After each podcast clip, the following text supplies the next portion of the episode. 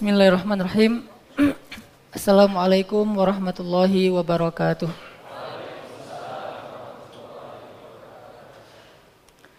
Alhamdulillah wassalatu wassalamu ala Rasulillah wa ala alihi wa sahbihi wa mawalah.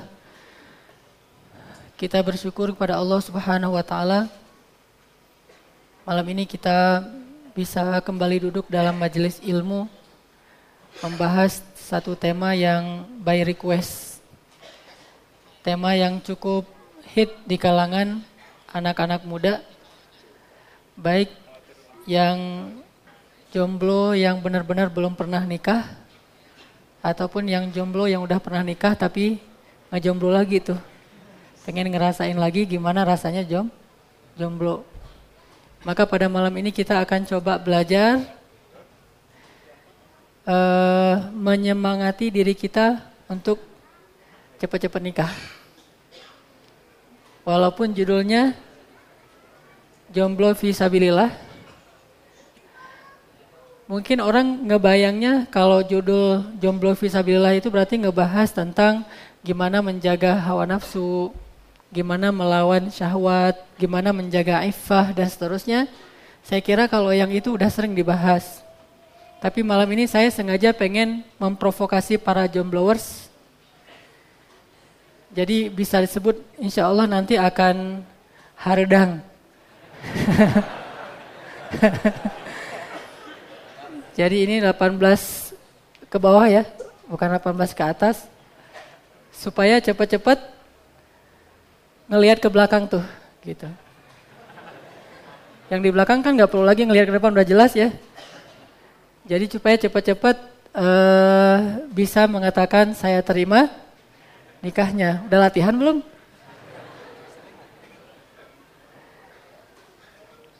Terus kajian kita ini uh, bisa dinikmati oleh yang udah nikah belum uh, yang udah nikah enggak nih? Bisa juga karena nanti akan ada materi disisipkan bagi mereka yang udah nikah. Mohon maaf, Dik. Dibalik aja tuh yang sebelah situ ke sini. Udah? Nanti bagi yang udah menikah juga akan ada beberapa uh, materi yang khusus buat yang udah nikah sehingga bisa jadi penyemangat juga untuk bukan nikah lagi ya. untuk menikahkan putra-putrinya maksudnya gitu. Kalau belum pada punya anak yang udah remaja atau dewasa, setidaknya ini bisa menjadi bekal bagi kita nanti kalau anak kita udah pada gede.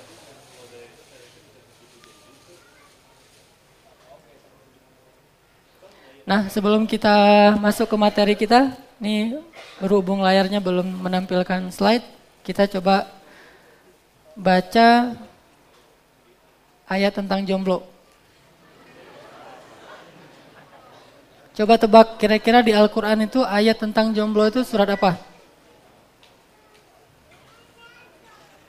Ayat jomblo gue banget gitu tuh surat apa tuh? hmm? Ayat tentang jomblo? Surat Yusuf itu ya? Kan Yusuf itu jomblo sejati kan? Arti jomblo sejati dia visabilillah banget. Udah keren, udah gitu diuji dengan cewek yang cantik banget, tetapi tetap istiqomah. Berarti kalau kita mau ngomongin jomblo visabilillah sejati yang inspiring banget itu adalah Yusuf atau Yusuf. Coba kita buka surat Yusuf. Kita baca adegan Yusuf visabilillah dalam kejombloan. Buka surat 12, surat Yusuf.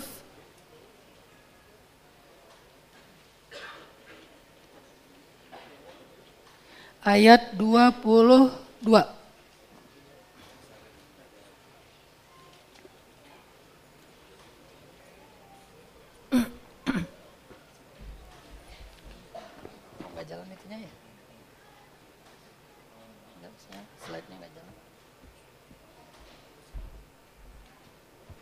Surat Yusuf ayat 22.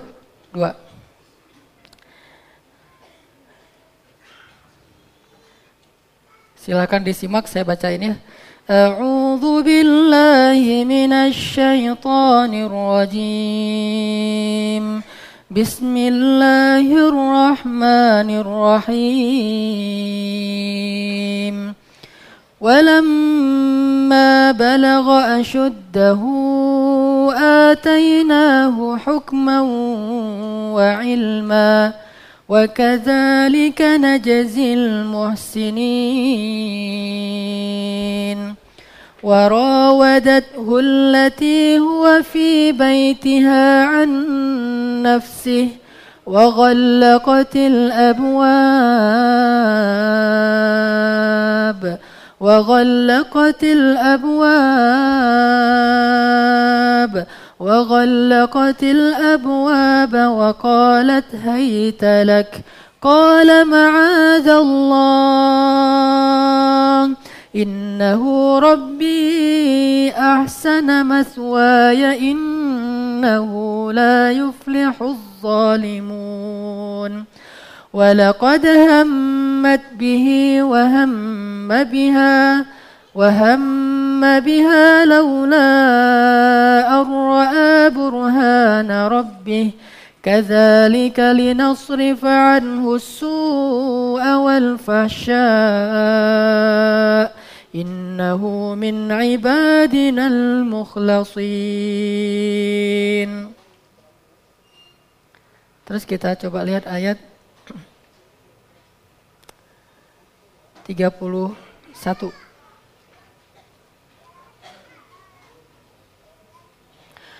فلما سمعت بمكرهن أرسلت إليهن وأعتدت لهن متكئا وآتت كل واحدة منهن سكينا وقالت اخرج عليهن فلما رأينه أكبرنه وقطعن أيديهن وقلن حاش لله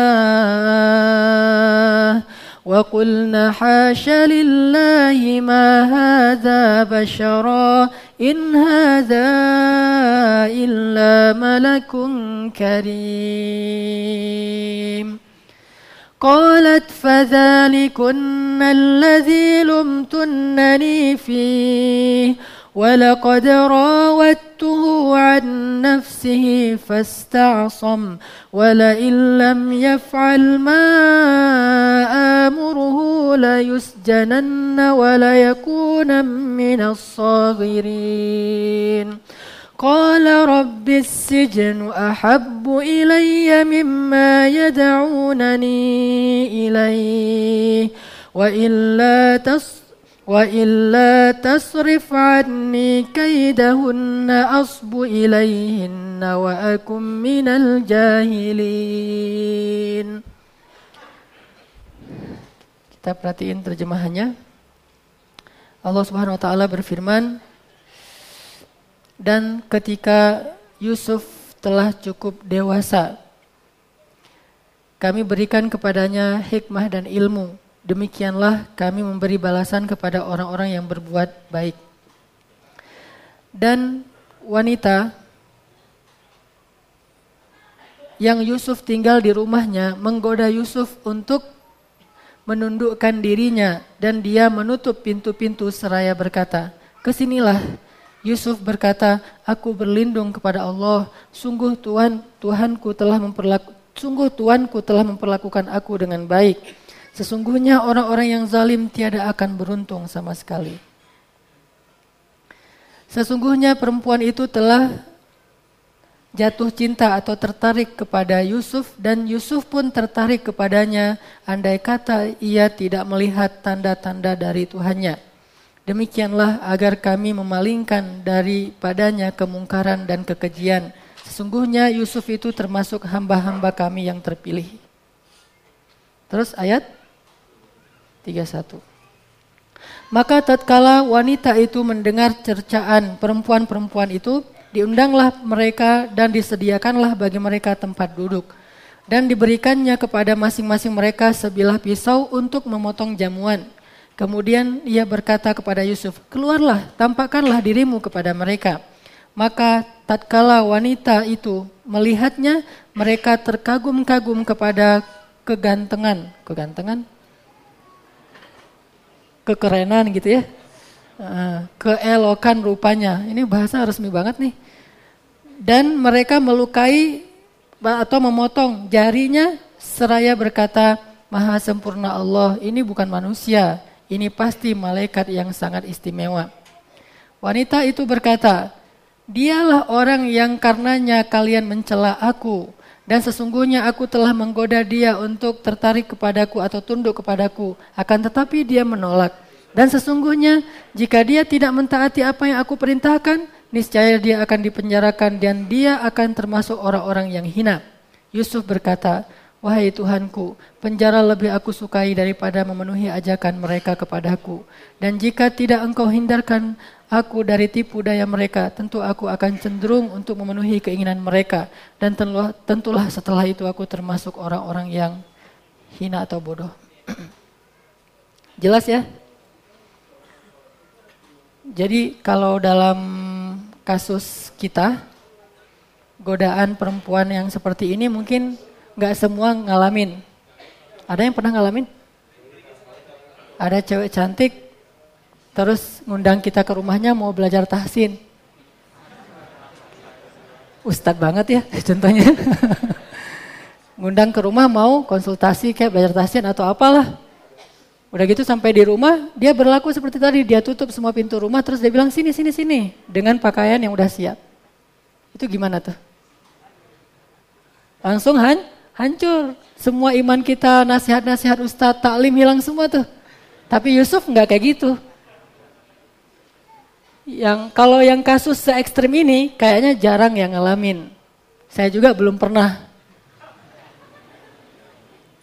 Udah pernah tapi halal. Kalau yang nggak halal mah nggak pernah. Terus kalau dalam kasus kita kayak gimana? E, cerita Yusuf ini kalau diterjemahkan lebih kekinian, lebih kontemporer, lebih ke godaan yang sifatnya lewat media.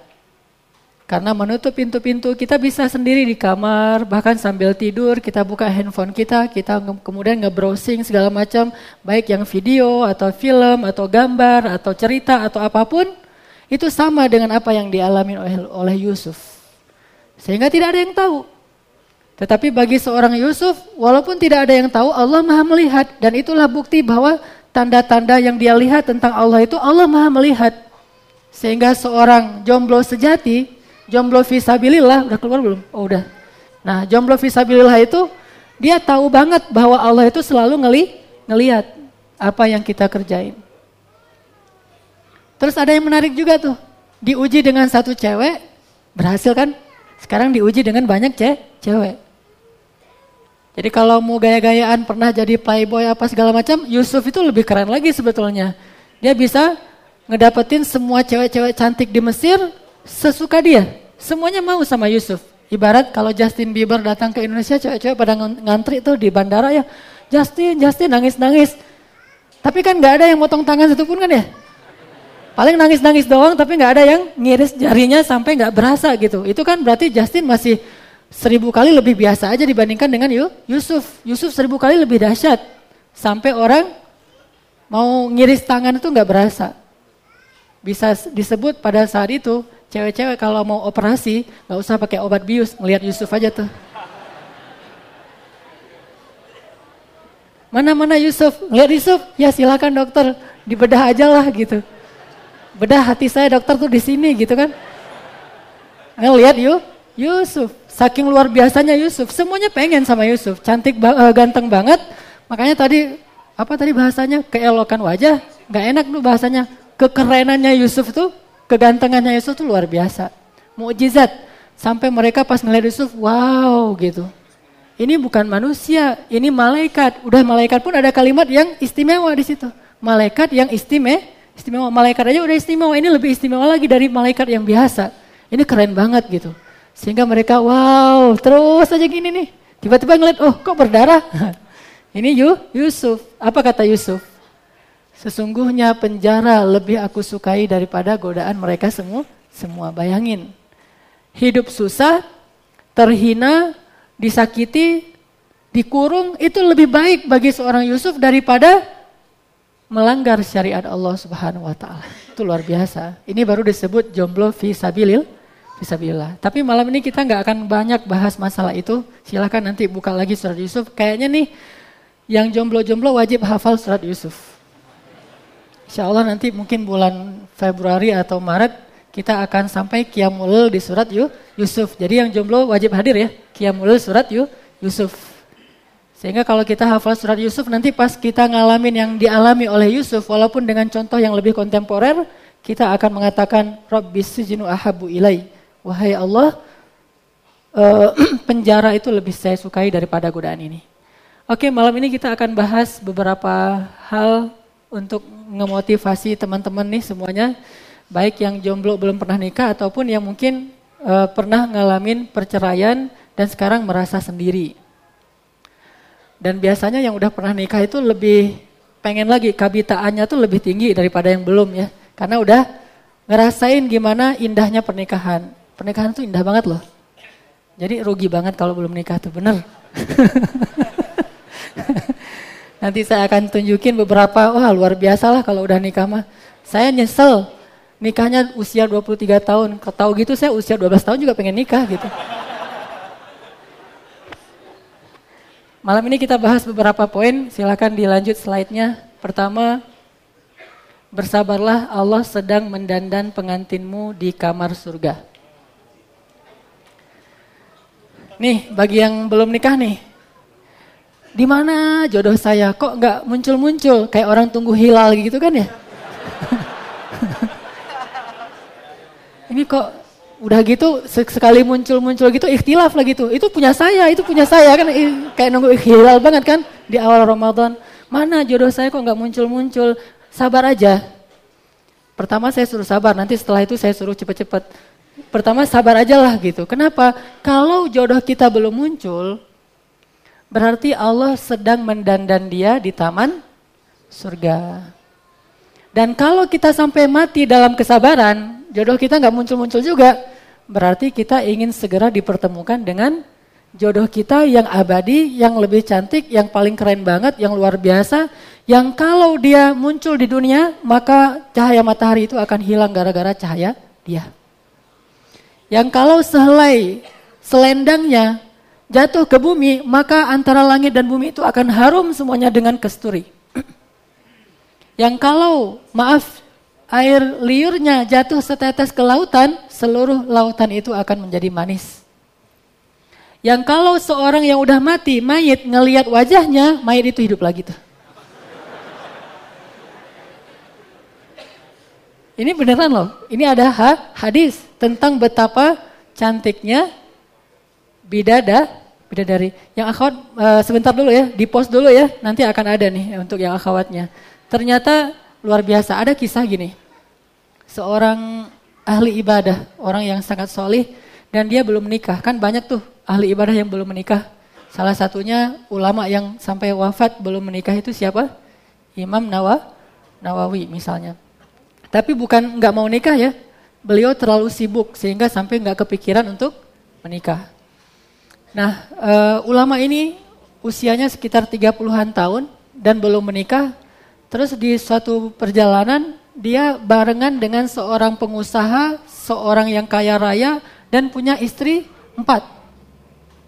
Istrinya tuh muda-muda, cantik-cantik, orang-orang yang ter apa dari keturunan-keturunan Ningrat, sehingga dia bangga banget. Ustadz gitu, udah nikah belum? Belum, eh pak. Aduh, Ustadz mah kalah sama saya empat kosong atau ya gitu.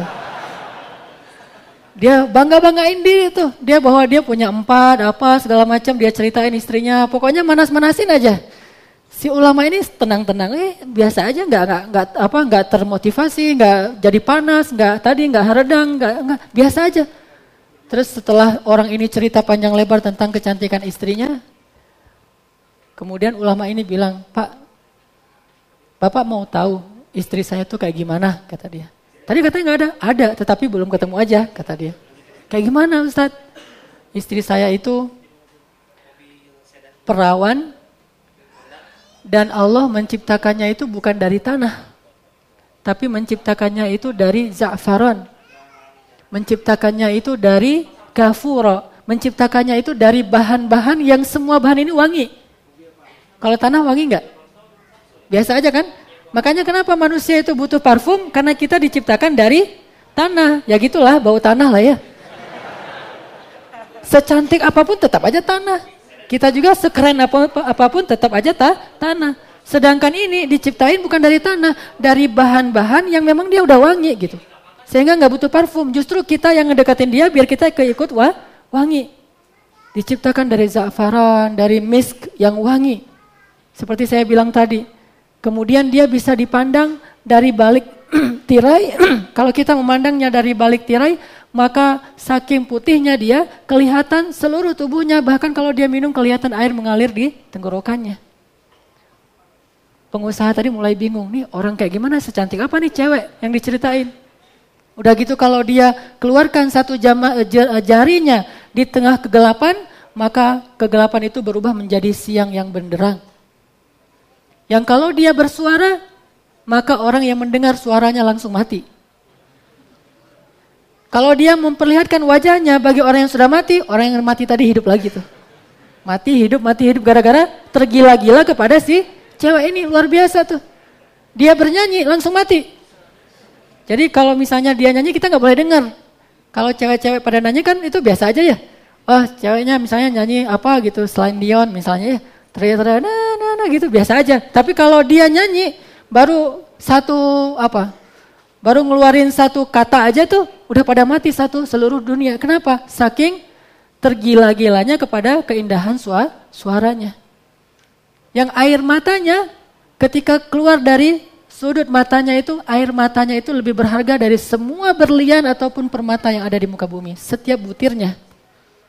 Jadi kalau ibarat kita uh, pengen nyari batu akik tuh ngegali-gali tanah, ini tinggal nampung aja air mata, nangis dong. Kenapa nangis? Air mata kamu itu permata gitu ya. Luar biasa kan ya. Terus pengusaha ini bilang, siapa perempuan itu? Perempuan itu adalah bidadari yang Allah sediakan untuk orang-orang yang bersabar. Bidadari yang Allah sediakan buat orang-orang yang bersabar. Aduh cepat ya waktunya ya. Insya Allah nanti kita bahas masalah bidadari habis sholat Insya. Ini panjang banget, ada hadis-hadis bidadari itu terciptanya kayak gimana, akhlaknya kayak gimana, sifatnya kayak gimana. Sampai buat kita pengen cepat-cepat mati deh. Kemudian Allah nikahkan dengan bidadari. Dan yang akhwatnya nanti pengen cepat-cepat mati juga biar bisa memilih bidada, bidadara. Emang ada? Nanti aja. Coming soon setelah sholat isya insya Allah. Kita sholat isya dulu. Baik, bismillahirrahmanirrahim. Sahabat-sahabat sekalian, para jomblowers mujahidin. Um, Pertama poin yang perlu kita sadari banget e, bareng bahwa ketika Allah Subhanahu wa taala menunda suatu kebaikan yang kita inginkan, berarti Allah Subhanahu wa taala sedang mempersiapkan yang lebih baik. Artinya kenapa kok nggak dikasih sekarang? Lagi disiapin. Kalau bahasa gampangnya. Saya minta sekarang, tapi kalau kamu minta sekarang, jadinya ya seadanya gitu. Tapi kalau misalnya kamu mau sabar dikit, mungkin disuruh tunggu beberapa waktu lagi, Allah akan memper, mempersiapkan seistimewa mungkin. Jadi ini kalau yang usia jomblonya di atas 30 tahun, ini berarti kayaknya bakalan dapat yang istimewa banget nih. Angkat tangan yang di atas 30 tahun. bromet mana bromet? Bakalan dapat yang sangat luar biasa istimewanya karena Allah nyiapinnya lebih lama. Kalau kita misalnya nikahnya dapat cepat, ya mudah-mudahan juga disiapin lah ya. Cuma kalau makin lama itu berarti memang Allah sedang mempersiapkan dengan lebih baik. Sehingga kata para ulama, kalau kita ingin mendapatkan satu hal yang besar, maka usaha kita itu kita anggap ke kecil. Kalau dalam istilahnya seorang ustadz yang terkenal di Malaysia tuh, Ustadz Habib Ali Zainal Abidin, beliau mengatakan kalau kita mau memancing ikan yang besar, kita pakai umpan ikan kecil dan itu hal yang wajar. Sehingga ketika kita pengen mendapatkan perempuan yang istimewa, laki-laki yang istimewa, maka kita berusaha sedikit dan usaha kita yang sedikit itu salah satunya adalah bersa bersabar. Bukan bersabar menunggu, tetapi bersabar sampai Allah mempertemukan kita dengan dia. Kan keren tuh. Kayak Siti Hawa dengan Nabi Adam bersabar ketika mereka sama-sama turun ke bumi. Yang satu turunnya di Hindustan, India, yang satu lagi turunnya di Irak. Mutar aja tuh keliling dunia. Dalam sebuah riwayat Allah alam tentang kekuatan riwayat ini tetapi banyak ulama yang menggunakannya selama 80 tahun bayangin tuh. Bukan karena emang nggak ada pilihan yang lain kan di bumi tinggal berdua doang kan ya? Bukan, tapi emang setia banget. Mereka yakin banget Allah pasti akan mempertemukan. Nggak ada sinyal HP. Kamu di mana nih di Irak kok jauh banget turunnya? Nggak ada.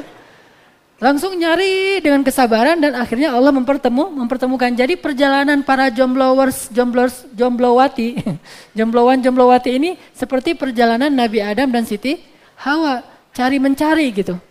Bukan mencari tapi yang lain nunggu doang, tapi cari mencari, sama-sama kasih CV, kasih CV yang ikhwan ke saya, kasih CV akhwat ke saya, ntar saya otak-atik. Kayaknya kalau misalnya di rumah saya coba banding-bandingkan mana nih yang kira-kira wajahnya agak-agak mirip gitu ya. Ternyata banyak yang mirip saya akhwatnya gitu. Bahaya itu. Jadi intinya wahai ikhwah, bersabarlah slide yang kedua, bersabarlah sesungguhnya Allah menyediakan untuk kita dari kesabaran itu istri yang terindah. Kekasih terindah itu adalah para bidadari insya Allah. Kalau kita baca dalam Al-Quran itu banyak banget Allah mengisahkan tentang bagaimana Allah menciptakan para bidadari. Pertama Allah bilang, Inna ansha'na hunna in sya'a. Kami menciptakan mereka itu insya'a sekaligus. Apa tuh maksudnya? Allah nggak menciptakan bidadari itu dari bayi, terus uh, masa anak-anak, terus masa-masa dia jerawatan gitu, nggak ada. Jadi nggak ada cerita bidadari ada masa-masa jerawatan lah, ada masa-masa apa, nggak ada itu langsung insya jadi dengan usia yang paling ideal, dengan kecantikan yang udah abadi kayak gitu. Jadi nggak ada pro, proses sengaja Allah ciptakan dan itu udah ditulis dalam takdir dia bahwa dia itu adalah istri si fulan. Jadi insya Allah kalau kita beriman kepada Allah nggak ada yang namanya jomblo abadi itu nggak ada. Walaupun kita meninggalnya dalam keadaan belum menikah, tetap aja kita akan dinikahkan oleh Allah yang jadi saksinya malaikat yang menikahkan kita itu walinya adalah Allah. Bayangin tuh. Allah bilang, aku nikahkan fulana bidadari dengan mahar sabar. Wah luar biasa tuh, maharnya sah, sabar, kesabaran kamu di dunia tuh. Maharnya sholat dua lima waktu di masjid, maharnya itu uh, istiqomah, maharnya itu iffah. Tergantung maharnya, maka Allah SWT menikahkan kita. Para malaikat nyaksiin semua tuh. Kayak acara pernikahan Widi kemarin di Masjid Al-Latif. Wow, semuanya disaksiin, ada yang live dikasih tahu ke yang lain datang bareng-bareng datang pengen nyaksiin pernikahan kita. Udah gitu, kita jawab, saya terima nikahnya beda dari dengan mahar tersebut Sah, sahnya itu semesta yang mengatakan sah. Malaikat semuanya bilang sah, sah, sah, sah. Dia senyum-senyum, senyum-senyum di dalam kemahnya. Maka Allah subhanahu wa ta'ala menikahkan semua orang yang beriman dengan pasangannya di surga. Bagaimana dengan perempuan? Perempuan juga begitu dalam hadis uh, Tabrani yang diriwayatkan oleh uh, Ibnu Qayyim al-Jauziyah dalam kitab Raudatul Muhibbin Kata Syekh Ibnu Qayyim Al-Jauziyah dan walaupun hadis ini kata sebagian ulama dhaif, tapi Syekh Ibnu Qayyim Al-Jauziyah menggunakan hadis itu bahwa perempuan boleh memilih suaminya dan dia pasti akan memilih suami yang paling baik akhlaknya. Ternyata kata Nabi, akhlak yang baik itu menguntungkan kita di dunia dan di akhirat. Dan kalau seorang perempuan itu menikah berkali-kali, karena Ummu Salamah kan menikah berkali-kali ya, dan e, cerainya cerai mati, suaminya meninggal dia nikah lagi kayak Khadijah gitu deh.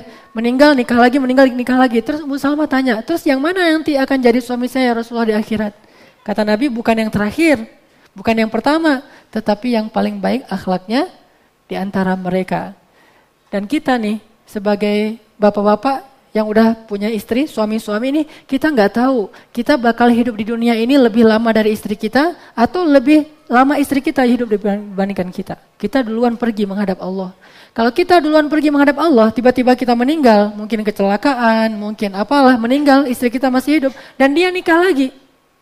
Dan kalau dia nikah lagi ternyata suaminya lebih keren akhlaknya dari kita, udahlah goodbye, kita nggak akan ketemu lagi dengan dia selama-lamanya.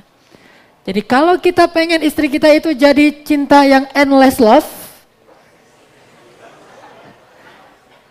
cinta kita di dunia dan di akhirat, maka cara untuk ngejamin itu kita harus yang paling baik akhlaknya. Sehingga kalau kita meninggal, dia nikah lagi, dia tetap akan bilang, gak ada yang bisa menggantikan Hanan Ataki di hati saya. Oh, gitu. ini kenapa jadi saya nih? Gitu aja deh. Bagi saya, saya sangat mencintai istri saya sehingga saya berharap dia menjadi istri saya di dunia dan di akhirat sehingga berusahalah semaksimal yang kita bisa untuk paling baik akhlaknya sehingga kalau dia ketemu cowok lain yang mungkin lebih kaya dari kita, yang mungkin lebih hebat dari kita, yang mungkin lebih keren dari kita, mungkin lebih muda dari kita, tetap kita akhlaknya lebih baik dari dia dan itu yang akan menjadi mahar kita di sur di surga. Ini yang saya sebut tadi materi buat yang udah nikah.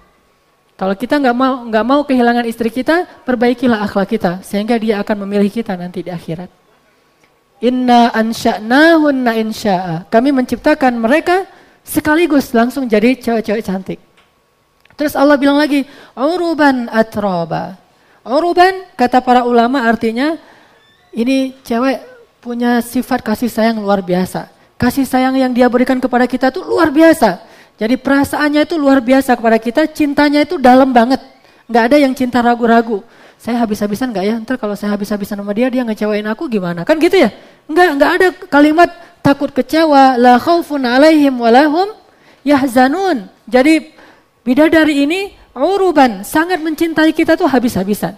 Atroba, atroba kata para ulama usianya itu usia pas. Berapa usia pas? Sekitar 20 sampai 30 tahun. Ini usia cewek di surga itu antara 20 sampai 30 tahun. Kalau di bawah itu kurang mateng. Kalau di atas itu kematangan. Jadi pas antara 20 sampai 30 tahun kurang lebih itu atroba. Dan itu akan segitu aja selama-lamanya. Terus pertanyaannya kita di surga punya anak nggak? Ada hadis yang mengatakan kita di surga itu bisa punya anak. Tapi kita pengen punya anak, istri kita nggak perlu hamil dulu 9 bulan. Kita pengen punya anak ya gitu aja terus langsung punya anak gitu. Gak usah diperjelas ya, eh, gitu pokoknya. Langsung punya langsung punya anak. Subhanallah ya. Dan bisa punya anak yang banyak, sebanyak penduduk surga itu bisa menjadi anak-anak dan cucu kita ini luar biasa. Menunjukkan bahwa di akhirat itu di surga itu kehidupan nggak terlalu jauh berbeda dengan di dunia. Nikmat hanya tidak ada lagi kesedihan, kekecewaan, eh, kegalauan, apa kekhawatiran. Nggak ada yang kayak gitu-gitu. Semuanya bahagia terus menerus. Sampai uruban kata para ulama itu nggak pernah ngejengkelin kita tuh nggak pernah. Itu uruban. Nggak ada cerita istri surga buat kita bete. Kenapa Ustadz rajin di masjid? Ah lagi bete aja di rumah. Nah, nggak ada itu di surga. Kenapa kok hari ini kayaknya wajahnya agak-agak uh, sedih gitu. Habis dimarahin istri kan gitu kan. Umar kan ya pulang ke rumah dimarahin istri. Pergi ke rumah Rasulullah. Rasulullah juga lagi dimarahin istri bareng tuh. Terus keluar bareng-bareng ketemu. Ya Rasulullah istri saya marahin saya. Saya juga kata Rasul. Di akhirat tuh nggak ada adegan kayak gitu. Dimarahin istri, istrinya apa buat kita bete, istrinya buat kita marah. Itu nggak ada. Benar-benar nyenengin hati banget. Nyenengin hati banget. Betul-betul seperti doa waj'al apa rabbana hablana min azwajina qurrata qurrata ayun jadikanlah di antara istri-istri kami itu penyejuk mata banget itu namanya uruban terus azwajum mutahharah walahum fiha azwajum mutahharah wahum fiha khalidun istri yang mutahharah istri yang suci apa arti suci di sini suci di sini artinya nggak ada haid nggak ada buang air kecil, nggak ada buang air kecil besar, dan tidak ada keringat. Artinya nggak ada keringat, nggak ada bau kering, keringat. Keringatnya ada, tetapi keringat itu parfum, wangi. Dan butiran keringat itu tadi seperti mutia, mutiara, tidak ada haid. Perempuan di surga itu tidak ada haid. Jadi nggak ada yang jual misalnya pembalut di surga itu nggak ada. Kenapa tidak ada haid bersih semuanya? Dan nggak ada cerita, oh kalau istri kalian lagi yas'alunaka anil mahid. Kul huwa adzam fa'tazilun nisa'a fil mahid. Mereka bertanya kepadamu tentang haid.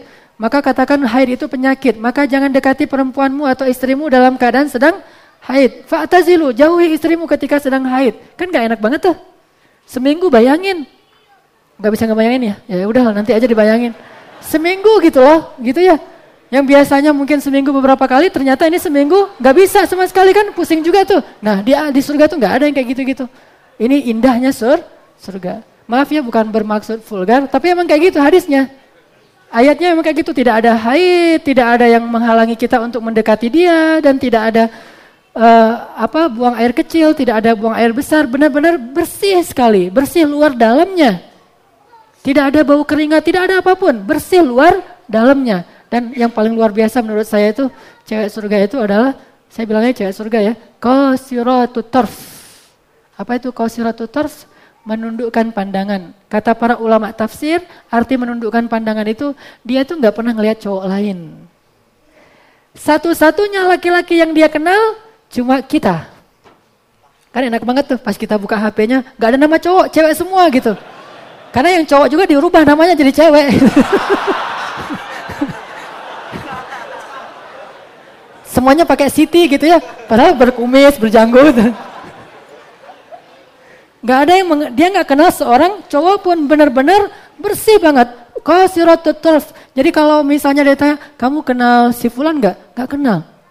E, kamu pernah ketemu si Fulan nggak? Nggak pernah. Kamu pernah ngelihat Fulan? Fulan tuh keren banget loh. Nggak pernah ngelihat. Bagi aku, kamu tuh yang paling keren. Kamu tuh pangeran aku banget gitu kata dia. Itu Oh apa? Qasiratut tarf. Dia tidak akan ngelihat seorang laki-laki pun kecuali suami suaminya. Nggak tertarik pun untuk ngelihat yang mana yang mana orangnya. Nggak ada itu. Ngelihat artis, ngelihat model, ngelihat ngelihat atlet, ngelihat teman kita yang kita bawa ke rumah itu nggak ngelihat sama sekali. Biasa aja. Kenapa? Bagi dia yang paling ganteng sedunia itu adalah suami suaminya. Jadi dia setia banget sama kita. Itulah yang Allah sediakan bagi siapa yang bersa bersabar. Sehingga kata para ulama, jika Allah tidak memberinya di dunia, maka Allah memberinya di akhirat.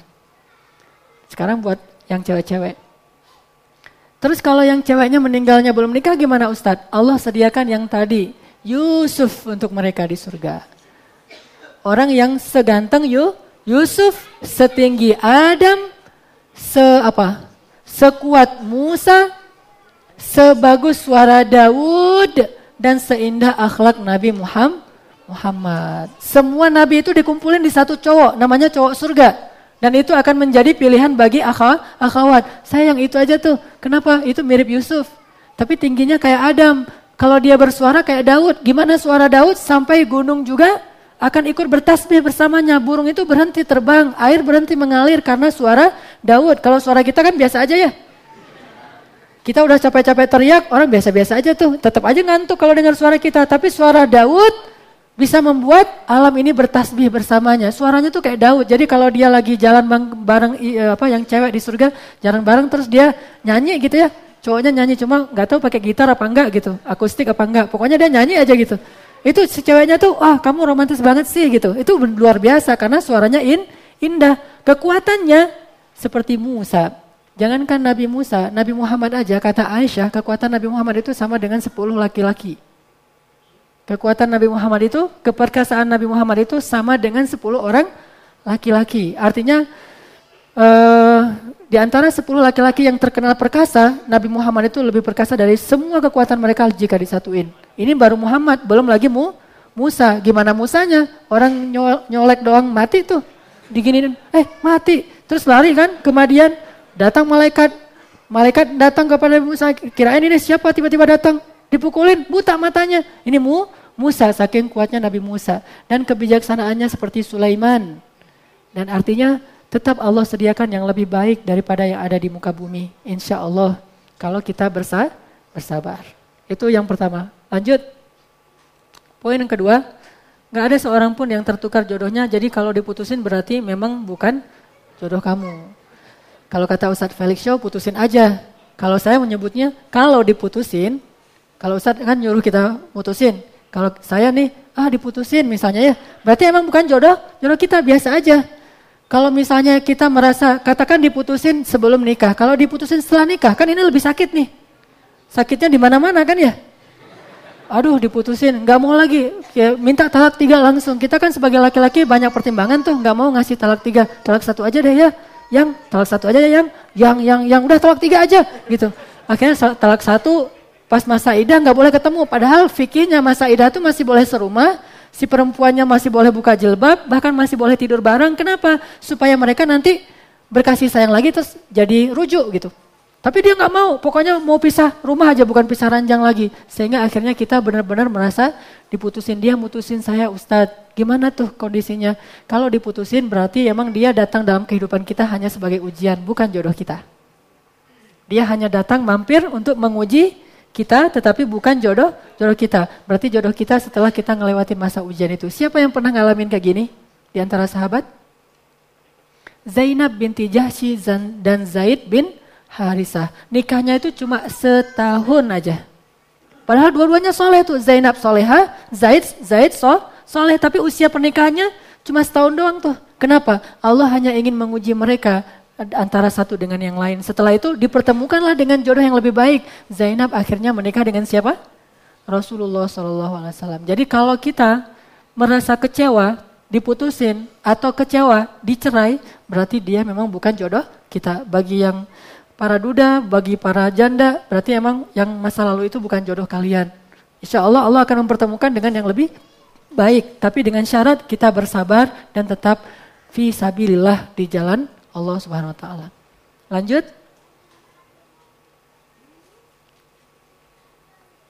Nih, apa mahar kita untuk istri kita atau untuk suami kita sebelum kita ketemu dia? Mahar kita itu adalah jaga diri. Apa kata Nabi? Uh, jaga diri kalian, aufu ta'ifu hukum. Jaga diri kalian, maka istri kalian akan menjaga dirinya untuk kalian. Jadi kalau kita pengen dapat cewek yang misalnya menjaga pandangan, kita harus jaga pandangan dulu. Kalau kita pengen dapat cewek yang pemalu, kita harus punya sifat ma malu. Kalau kita pengen punya dapat eh, pengen eh, pengen dapat cewek yang eh, orangnya cerdas, kita harus banyak belajar, kita pengen dapat cewek itu yang benar-benar ideal menurut kita, kita juga harus memper, memperbaiki diri kita supaya ideal. Jadi at-tayyibin lit-tayyibat. Orang-orang yang baik itu ketemunya dengan yang yang baik. Jadi gimana kita ngebayangin calon uh, pasangan kita, maka kita harus mulai diri kita dulu untuk menjadi seperti itu. Insya Allah Allah akan mempertemukan demikian. Kenapa? Al jaza min jinsil amal. Balasan itu tergantung jenis amal. Balasan itu tergantung jenis amal. Memang ada pengecualian, ada juga oh ada tuh Ustadz orangnya baik, soleh tapi pasangannya enggak. Nah ini pengecualian, enggak selalu terjadi. Yang banyak terjadi justru yang baik ketemu yang baik, yang tidak baik ketemu yang tidak baik. Atau yang baik ketemu yang tidak baik, kemudian menjadi ujian bagi dia atau menjadi rahmatan bagi dia, kemudian orang itu menjadi baik. Intinya perbaiki diri kita kalau kita ingin mendapatkan yang terbaik dan itu pasti berlaku. Jadi niatin aja dari sekarang. Kenapa kamu menundukkan pandangan? Biar di, dia di sana juga nundukin pandangan. Kenapa kamu rajin taklim? Biar dia di sana juga rajin taklim. Siapa tahu ketemunya di taklim yang sama misalnya. Hal-hal yang seperti itu perbaiki di diri itu mahar kita. Dan itu akan berlaku banget buat pasangan kita. Atau bahkan udah menikah juga bisa kayak gitu. Kenapa? Karena orang yang sudah menikah akan diuji dengan pasangannya lewat dosa-dosanya sendiri. Jadi kalau kita, saya pernah ngerasa kayak gitu. Saya misalnya uh, habis taklim gitu ya. Ibu-ibu datang ke saya, Ustadz foto dong, gitu kan. Ada sekitar 3-4 orang ibu-ibu pengen foto sama saya. Oh iya iya ya kan nggak enak tuh ditolak. Udah Ustadz foto dong gitu. Udah gitu fotonya nempel. Saya ke sini ada ibu-ibu, ke sini ada ibu-ibu kan gitu. Akhirnya aduh jadi gini satu kayak orang apa menggigil. Terus di karena udah agak jarang ditempelin lagi, udah ada jepret gitu. Ternyata Allah langsung membalas. Mungkin pas kita pulang ke rumah ada tamu di rumah kita yang memang uh, apa pekerjaan istri kita. Dia me, me, apa uh, menyambut tamu sementara kita tidak ada di rumah dan seterusnya. Walaupun nggak berbuat apa-apa tetapi kita diuji dengan hal yang sama. Dia akan Allah utus untuk nge, apa untuk ngeganggu istri kita sebagaimana kita juga pernah melakukan hal yang sama. Dan itu terjadi. Saya ngerasain banget dan bukan karena kesalahan istri saya juga, memang ada yang sengaja datang. Kadang-kadang ada SMS nyasar, ditelepon berkali-kali atau apalah. Mungkin karena saya beberapa kali ngebalas SMS curhat atau konsultasi tengah malam, jam 12 malam, Ustadz boleh tanya, jam 12 malam. Ini Ustadz saya ada masalah segala macam. Saya baca panjang di scroll aja nggak selesai-selesai tuh curhatnya. Udah gitu dibalas, balasnya diladenin terus jadi panjang larut gitu, nggak nggak ada niat apa apa tapi jadi larut. Ternyata nanti ada aja yang ganggu istri atau ah, gimana aja, pokoknya ada aja yang kayak gitu gituan. Bisa jadi dari luar, bisa jadi uh, macam-macam lah uh, kasusnya. Intinya itu berlaku. Makanya saya percaya banget dengan istilah uh, dari ulama al jaza min jinsil amal. Kalau bahasa orang Hindu mungkin karma ya. Tapi kalau kita nggak nyebutnya karma, tapi al jaza min jinsil amal. Balasan itu tergantung jenis amal. Lanjut lagi. Nah ini, ini penting banget nih. Kekasih itu atau pasangan itu hadiah dari langit. Jadi jangan ditolak. Kalau ada yang datang itu jangan ditolak. Kenapa? Itu hadiah dari langit yang datang kepadamu. Sehingga terimalah dia, uh, nggak usah terlalu banyak syarat lah. Kenapa? Karena emang itu hadiah dari Allah SWT untuk kita. Kenapa? Dalam kehidupan berumah tangga itu banyak indahnya ketimbang yang masalahnya. Ini saya ceritain dikit nih. Bedanya ngejomblo dengan, kan saya udah ngerasain dua-duanya nih. Masa jomblo dengan masa udah menikah. Beda banget. Kalau ada orang yang pelampiasannya misalnya dengan musik. Saya juga dulu vokalis musik ini, musik itu. Bahkan saya lintas genre itu. Pernah genre ini, genre itu ganti-ganti. Asik sih ngemusik itu. Tampil, perform dan segala macam, lomba terus juara itu asik. Tapi nggak ada yang lebih asik daripada kalau kita udah menikah. Tanya sama Diki. Main bola asik nggak Dik? Ah asik banget main bola, main futsal. Kan itu hobinya Diki banget tuh. Tapi nggak ada yang lebih keren daripada setelah menih, menikah. Yang senang surfing gitu. Saya juga udah nyoba tuh surfing di Batu Karas, asik sih. Atau saya pedal di Danau Kota Baru Parahyangan, emang asik. Dan bahkan saya senang banget surfing misalnya, walaupun belum jago, tapi tetap aja papan surfing itu tidak lebih keren daripada istri kita. Ombak itu tidak lebih keren daripada pernikahan. Jadi tetap aja menanti ombak itu keren. Tetapi menanti datangnya istri kita dengan kasih sayang, dengan pandangan yang penuh cinta, itu jauh lebih ke lebih keren. Bagi yang senang surfing. Yang senang main skateboard gitu misalnya, aksi segala macam. Asik memang, tapi nggak ada yang lebih asik daripada setelah pernikahan. Pokoknya saya udah coba beberapa kegemaran anak muda, saya coba, ini yang jomblo-jomblo ada yang melampiaskan dengan skateboard, dengan musik, dengan olahraga renang, dengan olahraga uh, sepak bola atau futsal, dengan surfing, dengan ke hutan, dengan naik gunung, dengan apa segala macam. Saya udah coba beberapa di antaranya, tetapi tetap saya berkesimpulan, tetap aja nggak ada yang lebih asik daripada setelah menikah menikah. Itu asik banget. Dan itu bisa lebih sering daripada surfing. Surfing kan nunggu ombak kan ya? Aduh nggak ada ombak kok pas baca di forecast minggu depan ombaknya cuma setengah meter gitu misalnya. ada gitu setengah meter doang ah nggak bisa datang. Terus lihat lagi seminggu nggak ada. Kalau dengan pernikahan itu Allah swt menyediakan untuk kita kasih sayang itu 24 jam. Kasih sayangnya 24 24 jam dan itu halal banget. Kita mau selebay apa pun itu halal gitu. Mau lebay selebay-lebaynya tuh halal gitu. Dan saya senang banget lebay sama istri saya itu luar biasa. Sehingga istri saya lagi marah besar, pas saya lebayin, lebayin. Langsung dia hilang marahnya. Dia sampai dia bilang gini, saya kok bisa ya udah lagi marah-marah banget jadi senang lagi sama kamu. Ya aku gitu loh gitu jadi. jadi bisa aja gitu. Lagi marah besar aja langsung langsung ini lagi langsung ketawa-ketawa lagi langsung bareng-bareng lagi. Dan bagi saya pribadi ini maaf manas-manasin dikit setiap saya pulang dari kajian itu, saya selalu merasa bisa istirahat di rumah saya, karena yang menyambut saya itu bidadari dan langsung dipeluk, dan itu hangat banget, belai tangannya itu, tangan istri kita tuh mukjizat banget loh. Hangatnya itu bukan hangat karena panas dalam, hangatnya cinta banget tuh. Saya kalau udah dibelai sama istri saya di sini tuh langsung tidur.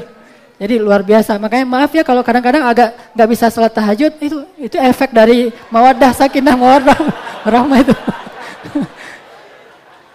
Pokoknya jangan lama-lama deh, nggak jomblo deh. Enak banget setelah menik menikah. Tanya sama Widi, tanya sama Diki, tanya sama beberapa orang tuh luar biasa. Belum lagi nanti kalau kita pacaran di jalan-jalan. Gimana tuh? Saya ke Braga misalnya duduk di kursi-kursi itu kan. Sama istri saya duduk, ngobrol. Orang-orang duduk kan malu-malu tuh ntar lewat orang tuanya dimarahin lagi tuh. Kalau ini biasa aja kita malah eh, foto-foto selfie bareng berdua. Itu udah halal banget. Jalan pegangan tangan halal. Kalau misalnya nonton gitu sambil pelukan itu halal, tapi jangan berlebihan ya karena di tempat umum. Intinya itu boleh, bahkan sunnah Nabi, Nabi pernah nonton sebuah acara eh, ketika lebaran sama Aisyah kan, yang Aisyah menaruh dagunya di pundak Rasulullah artinya boleh nonton bareng dan agak-agak mesra di tempat umum selama tidak berlebihan. Untuk nunjukin apa? Menikah itu lebih keren dari pacaran. Ternyata pacaran setelah halal itu keren banget ketimbang pacaran sebelum halal walaupun nggak tahu sih pacaran sebelum halal so nggak pernah maksudnya ya Allah alam lah ya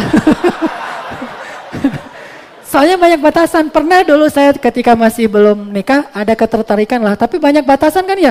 Aduh mau jalan bareng terketahuan sama emak. Habis saya tuh kalau ketahuan emak saya. Emak saya kan suka bawa kayu gede gitu tuh. Kalau ketahuan.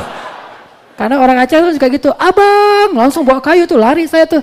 Ah kalau ketahuan mana bahaya nih bisa di habis saya ntar di di rumah. Dan segala macam banyak batasan nggak boleh jalan bareng. Kalau mau ketemu sama dianya misalnya ketemunya pas kerja kelompok kan nggak enak banget ya. Kerja kelompok ngebahas teori fisika tapi ketemuan hangoutnya teori fisika itu nggak enak banget. Tapi kalau udah nikah bebas mau ketemu di mana aja. Ketemu di mana kita? Di bintang berapa? Terserah. Ini bebas banget. Artinya nikah itu keren banget Nikah itu luar biasa. Kalau saya benar-benar kata Allah, e, pernikahan itu bukti-bukti di antara bukti-bukti kebesaran Allah. Wa min ayatihi an khalaqalakum min anfusikum azwajan litaskunu ilaiha itu benar banget. Allah itu baik banget dengan menciptakan atau mensyariatkan pernikah, pernikahan. Saya bersyukur banget mendapatkan uh, nikmat pernikahan dari Allah Subhanahu wa taala sehingga selalu bisa melepaskan lelah saya kalau saya pulang ke rumah dan melihat bidadari saya di rumah. Khadijah dan Aisyah. Mau ngerasain yang, oh nggak usah dibahas deh yang itu-itunya. Intinya, ayo asiknya punya pacar halal. Saya sering di grup tuh manas-manasin, kita ngomongin ini, ngomongin itu, ah saya mah, hobi saya mah mikirin cewek aja deh. Cewek yang ada di rumah saya yang cantik banget, yang keren banget, dan kita bisa ngasih dia hadiah apa aja, kita nggak kalau belum nikah banyak hal yang kita akan mikirin aja udah jadi dosa. Ngeliat dosa, apalagi ngerasain dosa banget tuh kan ya. Tapi kalau udah nikah, mikirin pahala, ngeliat pahala, ngerasain itu pahala banget gitu. Jadi semuanya berpahala. Intinya jadi jangan dito, jangan ditolak. Kalau ada yang datang kepada yang cewek-cewek terima aja. Yang datang, kamu siapa? Saya calon imam kamu. Oh, oh ya, gitu. Pede banget sih ngomong kayak gitu. terima aja, nggak usah ditolak-tolak. Kalau ada cewek yang ngasih CV ke saya, kalau bisa nggak ada syarat deh. Saya menerima apa aja lah Ustadz. Bukan karena berputus asa ya, karena memang itu anugerah dari Allah dan kita harus bersyukur kalau ada yang datang menghampiri kita. Jangan banyak terlalu khawatir nih kalau gini gimana, kalau gitu gimana, nggak usah. Tawakal aja sama Allah dengan syarat kita udah ta'aruf dengan cara yang syar'i tanya ke seorang ustadz kira-kira rekomendin nggak? Recommended nih. Misalnya saya bilang nih ada seorang cowok, dia tuh anak Vespa banget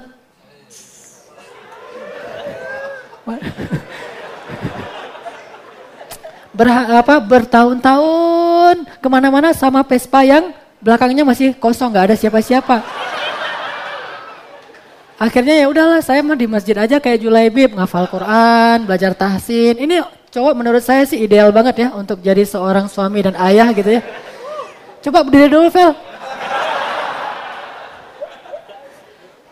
Jadi itu kalau menurut saya nih, saya aja banyak terinspirasi dari Vela. Terinspirasi apanya? Saya kan kadang-kadang semangat ngulang hafalan tuh jadi kurang karena namanya juga manusia, iman lagi turun. Pas ngelihat Vela lagi murojaah hafalan di pojok Masjid Al-Latif, wah Vela aja hafalannya tuh keren banget, Al-Ankabut gitu loh. Al-Ankabut itu kan susah banget, dia udah hafal, akhirnya semangat lagi. Ini kan ideal banget nih buat suami sama ayah nih. Nanti anak kita diajarin sama Vela, tahsin dua ya Vela ya, luar biasa. Kayak gitu-gitu. Jadi nggak usah terlalu banyak. Ah, di Alatif tuh banyak stok loh. Ini baru ketahuan satu nih. Ada yang lebih dahsyat lagi nih. Jangan dito, ditolak. Jadi insya Allah Alatif ini akan menjadi jalan bagi turunnya hadiah dari langit nih buat para jomblowati nih. Insya Allah datang dari langit lewat Masjid Al-Latif. Dan lihat aja nih wajah-wajahnya keren-keren semua. Insya Allah kalau jadi cover boy, cover boy itu cocok lah. Majalah apaan? Majalah Donald Bebek ya. Oke, lanjut lagi. Nah, ini, penting juga nih. Ini buat someone yang uh, kadang dia bilang gini, uh, nggak ngeklik sih Ustadz, eh, gitu. Suka bilang gitu tuh, nggak ngeklik Ustadz.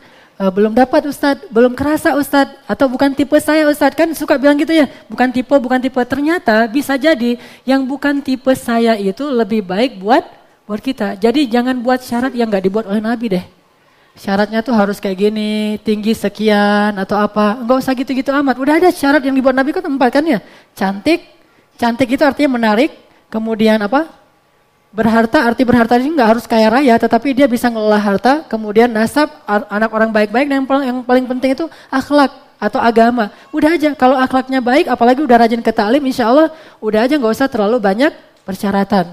Yang oh ini bukan tipe saya, ini bukan tipe saya. Bisa jadi yang kamu tidak sukai dari mereka, ternyata itu baik buat buat kamu. Coba buka nih Al-Quran surat An-Nisa.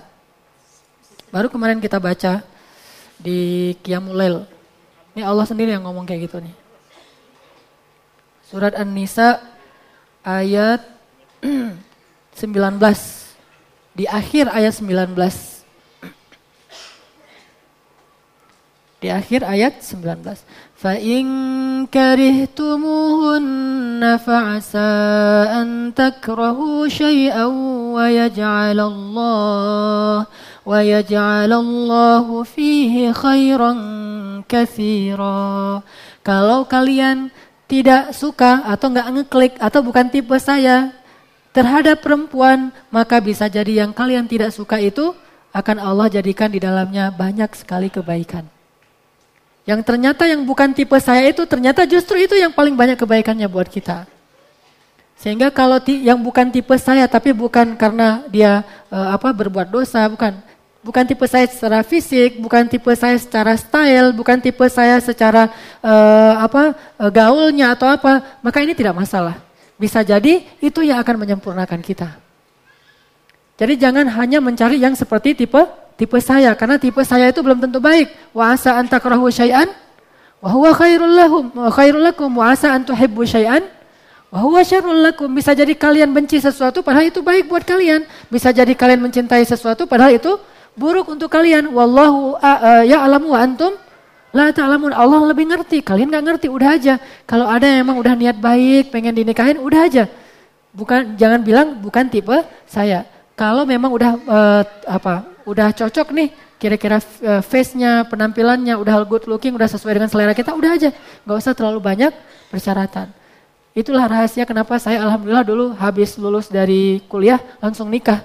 Gak terlalu banyak, milih, milih, milih, milih, milih, langsung saya bilang ke Ustadz, Ustadz saya mau pulang ke Aceh Kenapa pengen nikah?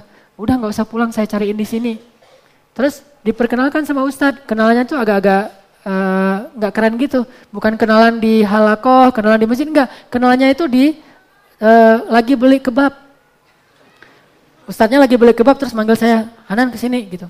Terus dia udah gitu juga.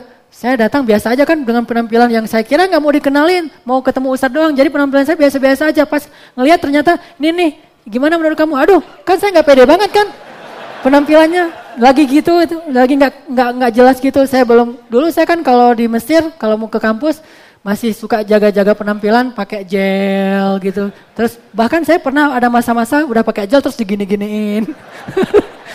Masa rambut saya tuh nggak nggak jelas gitu di apa ditarik-tarik. Udah gitu wangi terus. Dulu saya suka fitness cuma kempes lagi gara-gara udah males.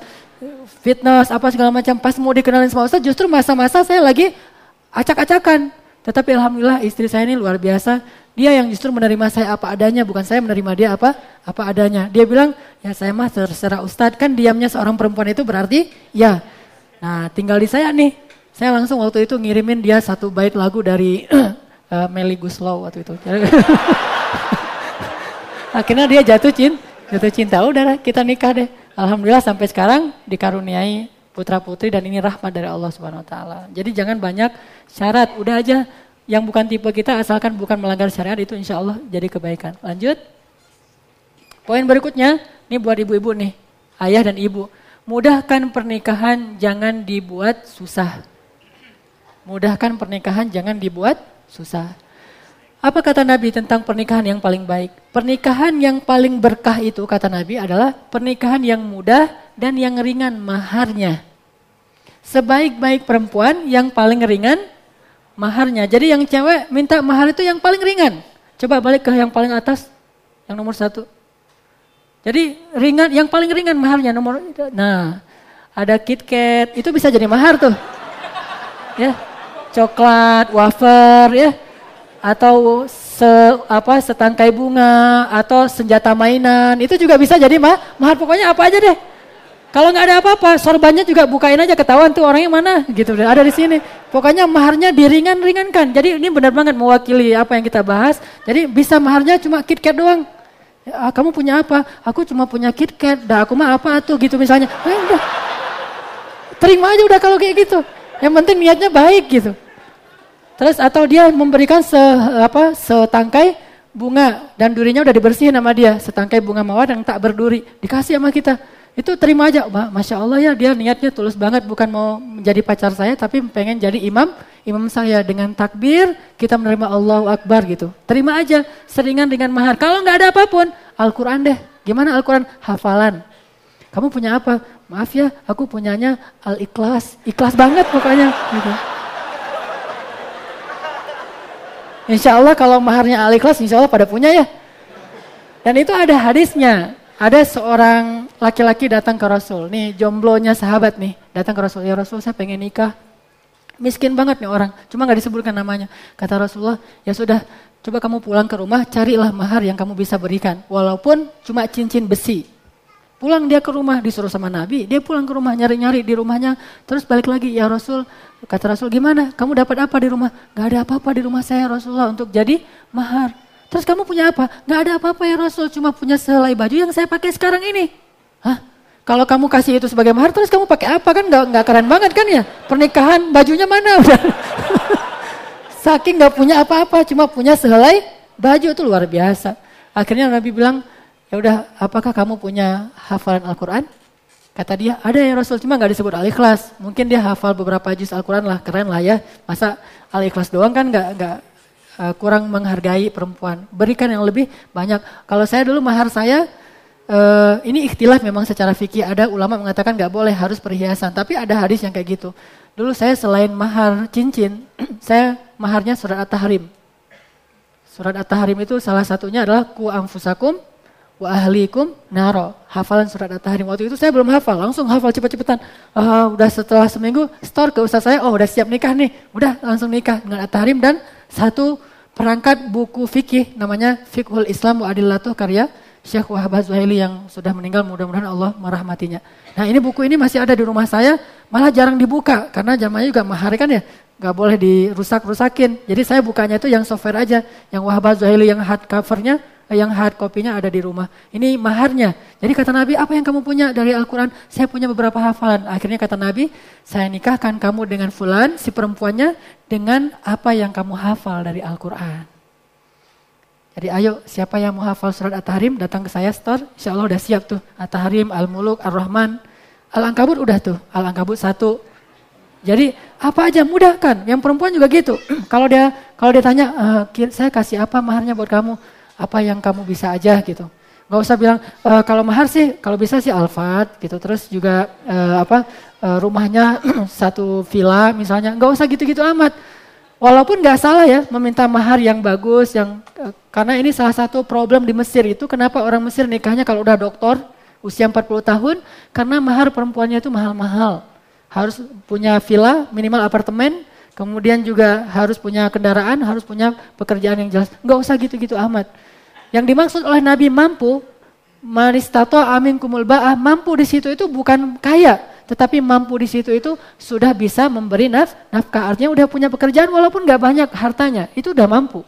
Jadi yang udah punya usaha kecil-kecilan nih, uh, distro atau clothing, itu udah mampu tuh.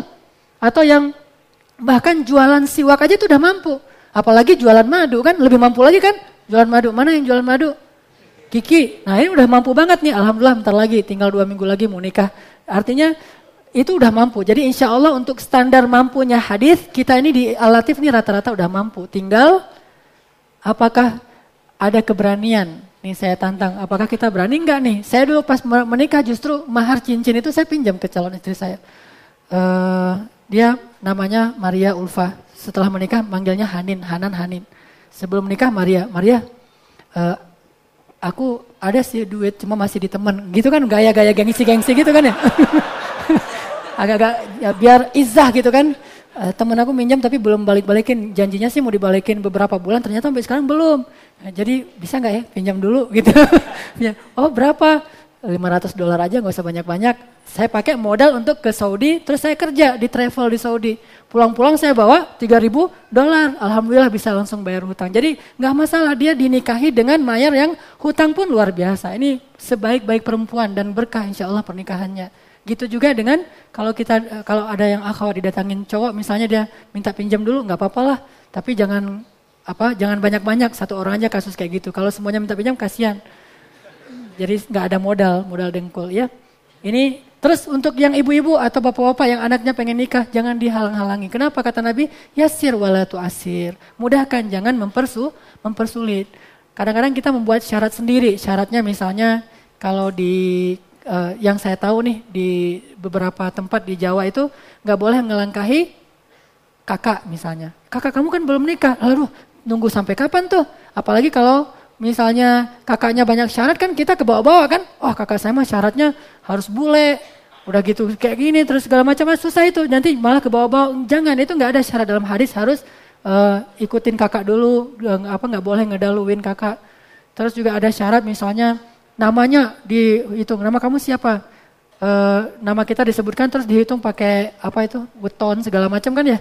Udah itu dikaitkan dengan yang datang, oh kalian tuh nggak cocok karena secara hitung-hitungan tuh nggak dapat.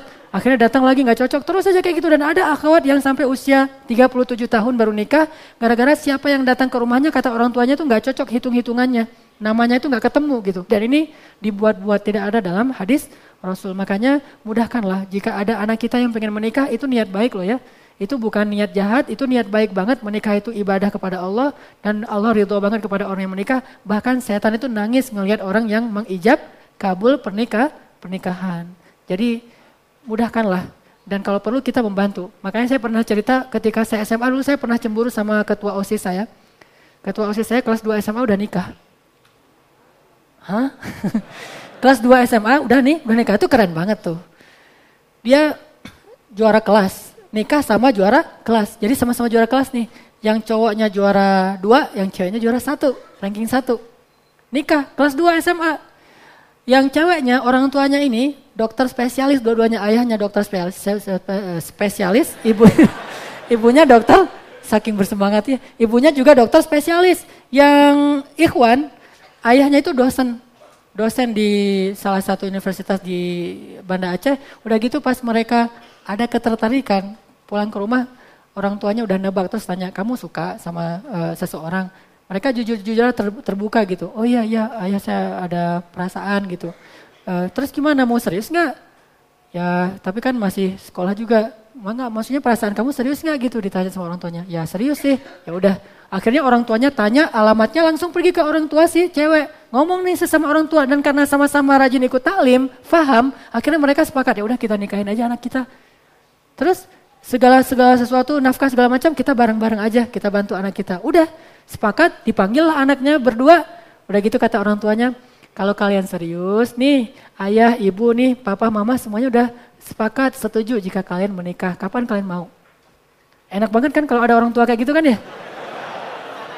udah mampu terus paham kan mudah banget urusan kita kan akhirnya uh, ya udah kalau gitu tunggu tunggu uh, liburan sekolah pas liburan sekolah kita lagi di rumah pada nggak jelas gitu kegiatannya pas udah lagi di rumah tiba-tiba dapat undangan siapa yang nikah ternyata teman kita yang sesama satu satu kelas tuh nikah gitu tapi nikahnya itu karena emang masih di bawah umur gak terdaftar, ya orang nyebutnya siri itu, tapi dalam Islam kan tetap aja sah dan bagus dan didukung oleh orang tuanya. Udah nikah, besok-besoknya mereka kalau pergi ke sekolah itu naik motor berdua, itu kayak orang pacaran banget dan duduk di kelas tuh pandang-pandangan, kita mah aduh.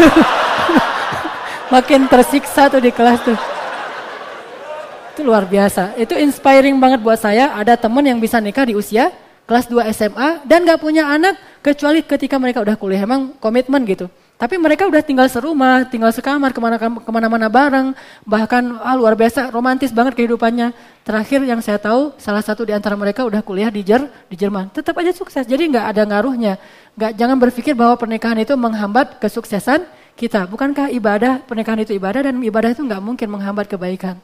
Makanya nikahkan anak bapak ibu yang sudah uh, punya keinginan dan insya Allah sudah punya penghasilan walaupun tidak besar, mudah-mudahan itu akan memudahkan urusan kita di dunia dan di akhirat. Itu aja nih tentang jomblo visabilillah right way.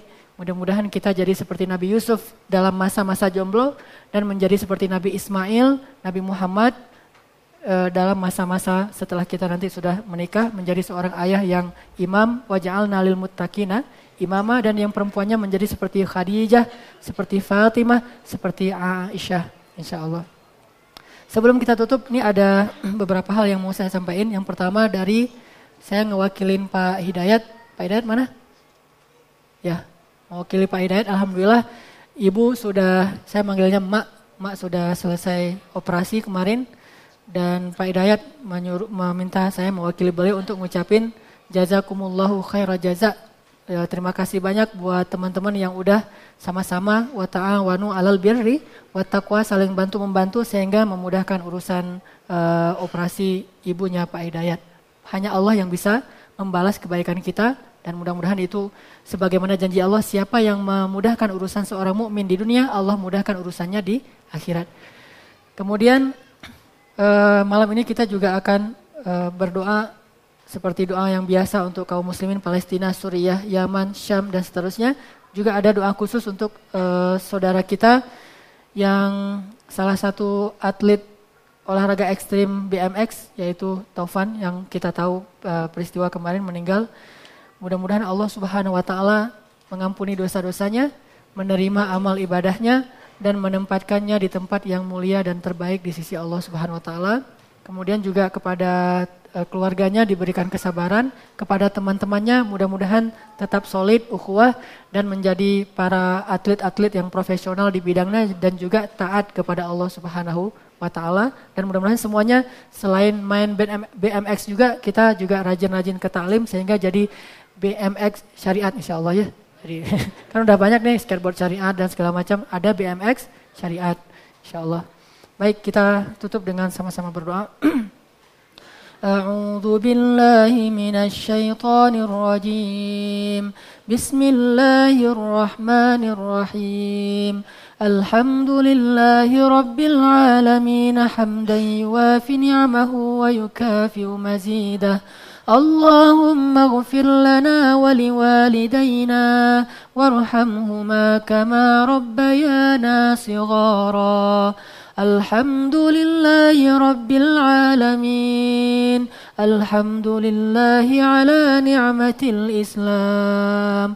الحمد لله على حلاوة الإيمان. الحمد لله على القرآن. الحمد لله على التوبة. الحمد لله على الهجرة الحمد لله على الأخوة الحمد لله اللهم اجعلنا لك ذكارين لك شكارين لك أواهين إليك منيبين إليك مسلمين عليك المتوكلين. اللهم ارحم شهداء المسلمين. اللهم انصر الإسلام والمسلمين. اللهم انصر المجاهدين. اللهم إنا نسألك شهادة في سبيلك ونسألك مغفرة يا غفار. اللهم اغفر له اللهم اغفر لأخينا توفا.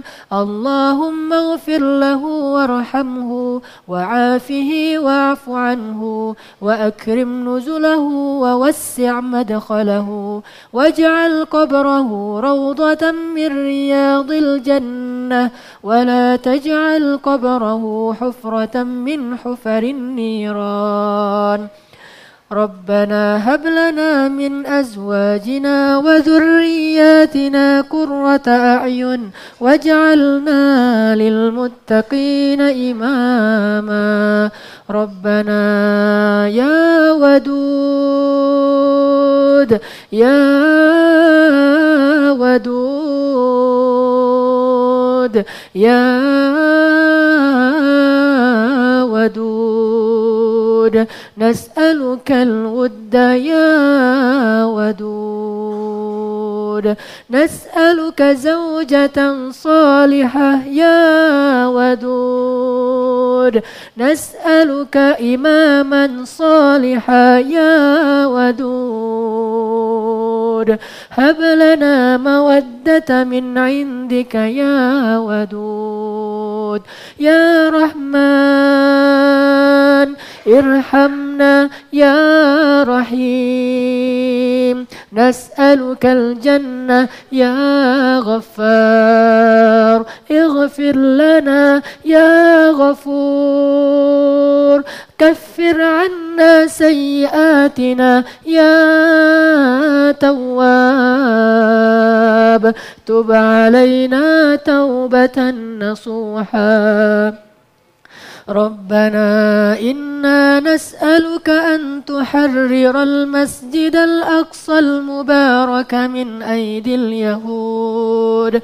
اللهم انصر المجاهدين في كل مكان ووحد صفوفهم وسدد رميهم واشفي جرحاهم وارحم شهداءهم واشفي صدور المسلمين المسلمين. اللهم اغفر لوالدينا وارحمهما كما ربيانا صغارا. واجعل قبرهما روضة من رياض الجنة. ولا تجعل قبرهما حفرة من حفر النيران. اللهم اغفر لأمنا. اللهم اغفر لأمهاتنا اللهم اغفر لها وارحمها وارحمها يا رحمن وارحمها يا رحيم وارحمها يا مجيب السائلين. Rabbana atina fid dunya hasanah wa fil akhirati hasanah wa qina adzabannar.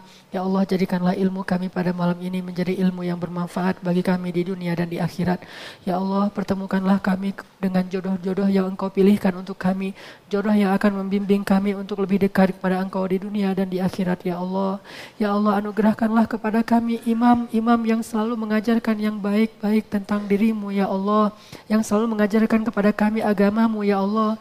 Imam yang akan menggandeng tangan kami untuk datang ke masjid-masjid dan halakoh-halakoh ilmumu ya Allah. Ya Allah anugerahkanlah kepada kami istri-istri yang menjadi penyejuk mata kami ya Allah. Istri yang menyayangi kami ya Allah. Istri yang menundukkan pandangannya hanya untuk kami ya Allah. Istri yang akan menanti kepulangan kami setiap malamnya dengan penuh kesetiaan dan kesabaran ya Allah. Ya Allah jadikanlah pemuda-pemuda al-latif, pemuda-pemuda yang sedang belajar menuntut ilmumu ya Allah. Semuanya menjadi pemuda-pemuda yang fi sabilik ya Allah. Pemuda-pemuda yang engkau sayangi ya Allah. Pemuda-pemuda yang engkau rahmati ya Allah. Yang engkau pertemukan mereka dengan orang orang yang engkau ridhoi di antara hamba-hambamu ya Allah. Ya Allah, jadikanlah ukhuwah kami di dunia ini sebagai jalan bagi kami untuk bertemu lagi di akhirat dalam surgamu ya Allah. Jadikanlah kami bersaudara di dunia dan bersaudara di akhirat karena engkau ya Allah. Rabbana atina fid dunya hasanah wa fil akhirati hasanah wa qina adzabannar. Barakallahu li wa. Subhanakallahumma wa bihamdika asyhadu an la ilaha illa anta astaghfiruka wa atubu ilaik. Assalamualaikum warahmatullahi wabarakatuh.